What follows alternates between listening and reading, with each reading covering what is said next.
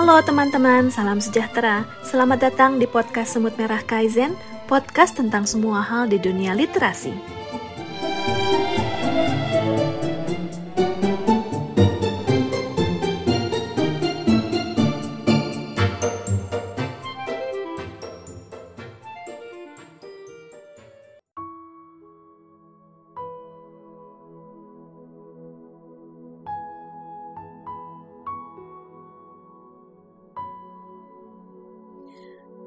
Wingardium Leviosa. Pernah dengar kata-kata ini? Buat penggemar Harry Potter pasti tahu. Mantra ini adalah mantra pertama yang diajarkan di kelas mantranya Profesor Flitwick dalam buku pertama serial Harry Potter yang berjudul The Sorcerer's Stone. Bahkan kalau di filmnya, mantra ini melekat sekali pada karakter Hermione Granger yang membuat Ron Weasley sebel karena dikoreksi pengucapannya yang salah. Potongan cerita ini mendeskripsikan bahwa agar mantra bekerja dengan baik, ada hal penting yang perlu diperhatikan yaitu pelafalan yang tepat dan gestur yang benar. Mantra Wingardium Leviosa memiliki daya untuk menggerakkan benda sesuai keinginan sang penyihir. Dan untuk melakukannya, perlu berlatih berulang-ulang sampai menemukan paduan lafal dan gerakan yang pas. Gestur yang tidak pas tidak menggerakkan. Lafal yang kurang tepat tidak berdaya. Teman-teman yang mempelajari bahasa asing seperti Mandarin, Thailand, Jepang, Korea, pasti tahu bahwa penekanan dan intonasi baca dapat memberikan makna yang berbeda. Bahasa Inggris mungkin tidak serumit bahasa Mandarin yang kalau berbeda nada bisa berbeda arti. Tapi secara lisan, bahasa Inggris juga punya penekanan dan cara baca yang spesifik. Sementara dalam bahasa Indonesia, penekanan dan intonasi ini tidak memberikan perbedaan arti.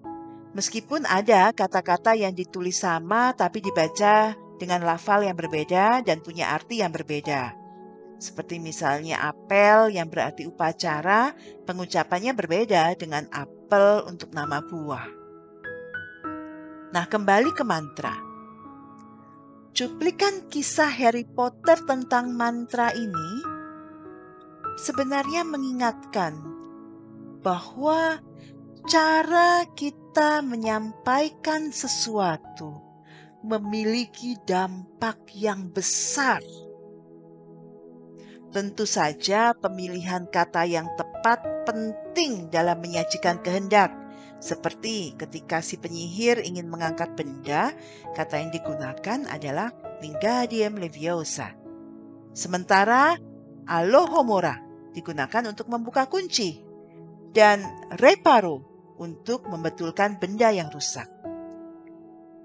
Namun, cara kita menyampaikan dari pilihan diksi, kejelasan lafal, intonasi, keras lembut suara, dan kesesuaian dengan situasi atau orang yang diajak bicara juga sangat penting untuk membuat kata-kata itu bersuara.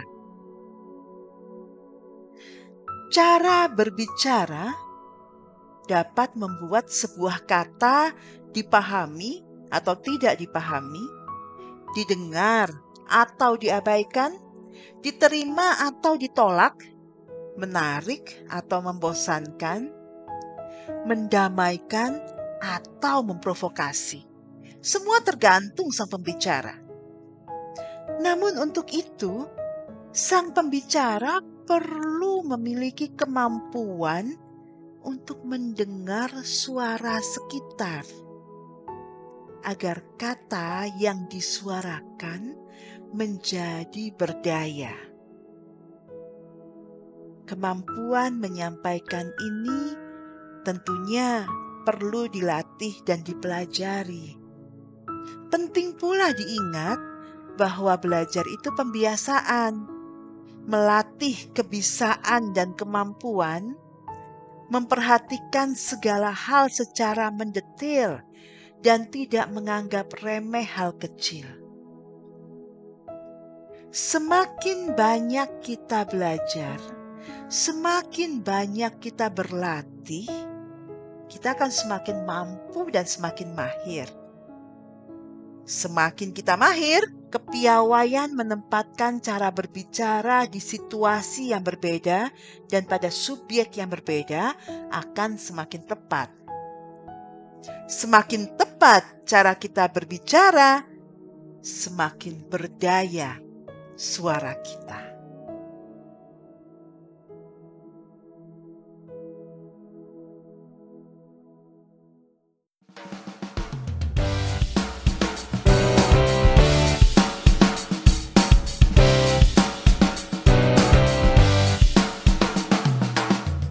Demikian podcast Semut Merah Kaizen episode kali ini. Sampai jumpa di episode berikutnya, karena semua orang bisa menulis dan semua penulis butuh komunitas. Salam literasi.